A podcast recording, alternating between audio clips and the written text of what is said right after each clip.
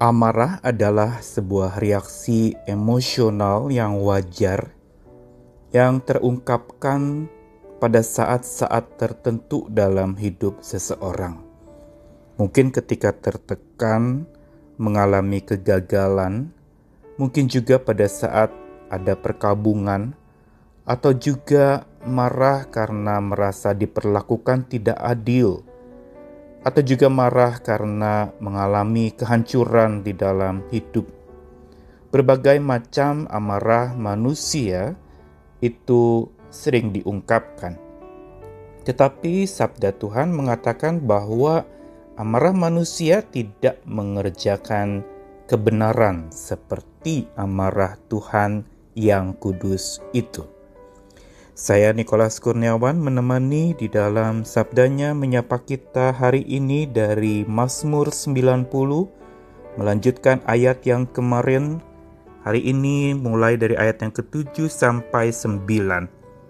Sungguh kami habis lenyap karena murkamu dan karena kehangatan amarahmu kami terkejut. Engkau menaruh kesalahan kami di hadapanmu dan dosa kami yang tersembunyi dalam cahaya wajahmu. Sungguh, segala hari kami berlalu karena gemasmu. Kami menghabiskan tahun-tahun kami seperti keluh. Seperti yang saya ungkapkan bahwa Mazmur 90 ini berlatar belakang peristiwa di mana hukuman Tuhan atau amarah Tuhan diungkapkan, yaitu ketika ada 12 pengintai yang diutus untuk mengintai kota tempat di mana mereka orang Israel akan memasukinya, maka pada saat itu banyak orang-orang yang bereaksi emosional. Mereka marah, mereka merasa bahwa apa yang dilaporkan itu membuat mereka menjadi takut dan merasa terancam hidup mereka. Dan mulailah pada saat itu orang-orang itu menyalahkan Tuhan di dalam amarah dan sungut-sungut mereka kepada Tuhan.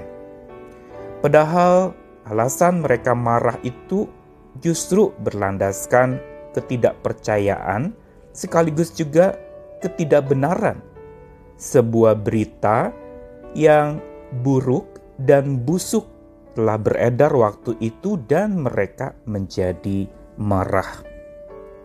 Sehingga karena sungut-sungut mereka dan kegeraman mereka, justru Tuhan menyatakan sebuah kemarahannya yang kudus kepada mereka.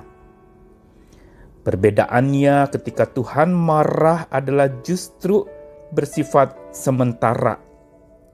Sedangkan amarah manusia dan khususnya orang Israel waktu itu adalah sebuah kemarahan yang senantiasa diungkapkan kepada Musa.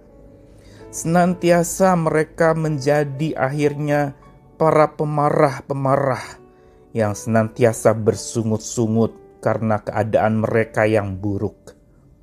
Padahal Tuhan sudah berulang kali menyatakan penyertaannya dengan tiang awan, tiang api, makanan yang diberikan kepada mereka berupa mana, burung puyuh, dan sebagainya.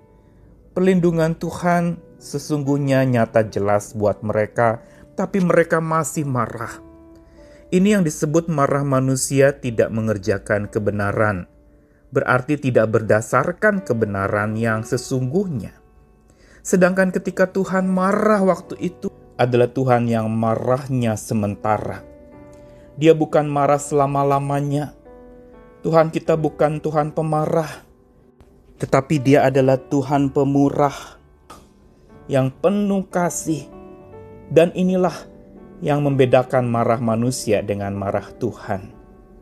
Marah manusia senantiasa, pemarah, pendendam, sulit melupakan sedangkan marah Tuhan hanya sementara, karena yang lebih besar adalah justru kasihnya yang kudus. Inilah alasan kedua dan penjelasan bahwa marah kudus dari Tuhan yang maha kudus itu berasal dari kasihnya yang kudus, yang tiada taranya. justru karena Tuhan mengasihi, maka Tuhan menjadi murka. Tuhan marah dan menegur keras orang-orang pada waktu itu.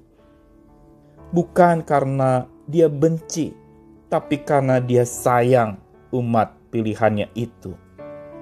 Dan tujuan Tuhan menyatakan marahnya yang kudus itu bukan sekedar perkara emosional, tapi justru untuk menunjukkan ketegasannya yang mulia. Tuhan sudah berulang kali menyatakan penyertaannya, tetapi orang-orang itu tidak percaya, bahkan malah menuduh dan menghakimi Tuhan mereka. Di sinilah Tuhan menjadi marah. Dan tujuan Tuhan menyatakan amarahnya yang kudus itu bukan saja untuk menunjukkan ketegasannya, tetapi juga lewat kemarahannya yang kudus, Tuhan justru memberikan sebuah penugasan kepada umatnya untuk tetap setia di dalam hidup mereka. Tidak menyimpang ke kanan dan ke kiri, tapi tetap tertuju kepada Tuhan dan bersama Tuhan melaju ini yang diabaikan oleh umat pilihan Tuhan waktu itu.